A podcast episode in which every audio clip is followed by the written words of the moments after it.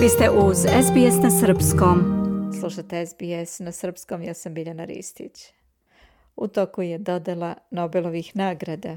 This year's prize is about a fundamental discovery in nanotechnology.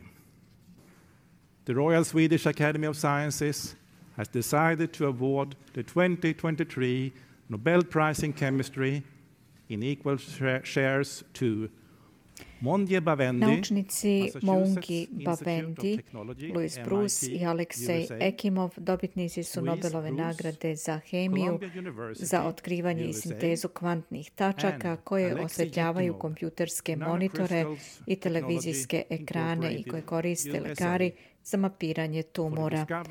Dobitnici Nobelove nagrade su uspjeli da proizvedu čestice tako male da njihova svojstva određuju kvantni fenomeni. Čestice koje se zovu kvantne tačke sada su od velike važnosti u nanotehnologiji, rekao je Matt Larson, član Kraljevske akademije tokom proglašenja dobitnika Nobelove nagrade.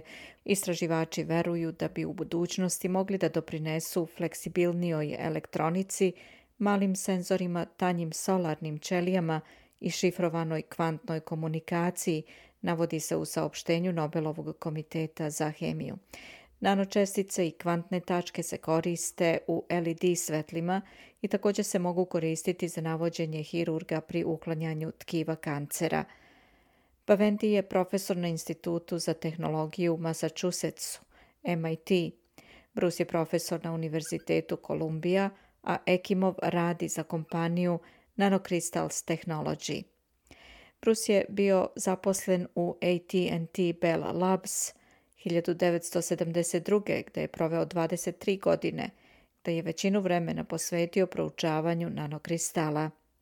Pavendi je rođen u Parizu i odrastao u Francuskoj, Tunisu i Sjedinjenim državama. Pavendi je uradio postdoktorsko istraživanje sa Brusom kao mentorom i zatim se pridružio MIT-u 1990. i postao profesor 1996. Ekimov je rođen u Sovjetskom savezu i radio je za Državni optički institut Vavilov pre nego što se preselio u Sjedinjene države. 1999. Ekimov je proglašen za glavnog naučnika u nanokristal tehnologiji. Nagrade za hemiju uključuju mnoge velike naučnike kao što su pioniri istraživanja radioaktivnosti Ernest Rederford i Maria Curie koja je također dobitnica i nagrade za fiziku. Ranije ove nedelje objavljeni su dobitnici Nobelove nagrade za fiziku i medicinu. Nobelova nagrada za fiziku dodeljena je u utorak grupi od troje naučnika za posmatranje elektrona u atomima u najsitnijim delićima sekunde.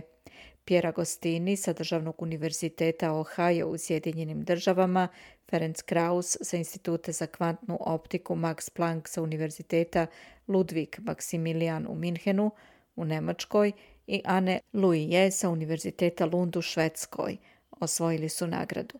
Njihovi eksperimenti dali su čovečanstvu nove alate za istraživanje sveta elektrona unutar atoma i molekula, navodi Kraljevska švedska akademija nauka koja je objavila dobitnike nagrade u Stokholmu. Oni su pokazali način da se stvori izuzetno kratki impulsi svetlosti koji se mogu koristiti za merenje brzih procesa u kojima se elektroni kreću ili menjaju energiju. Mađarska naučnica Katalin Kariko i njen američki kolega Drew Weissman, koji su došli do otkrića M dezoksiribonuklinskog molekula i tako utrli put ka vakcinama protiv COVID-19, dobitnici su Nobelove nagrade za medicinu.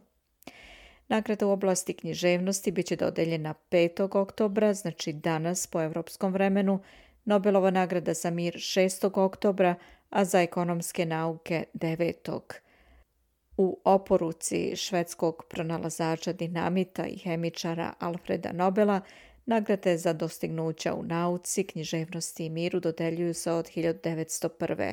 uz nekoliko prekida uglavnom zbog svetskih ratova. Novčani deo nagrade je kasniji dodatak koji finansira Centralna banka Švedske. Slušate SBS na srpskom, ja sam Biljana Ristić. Želite da čujete još priča poput ove? Slušajte nas na Apple Podcast, Google Podcast, Spotify ili odakle god slušate podcast.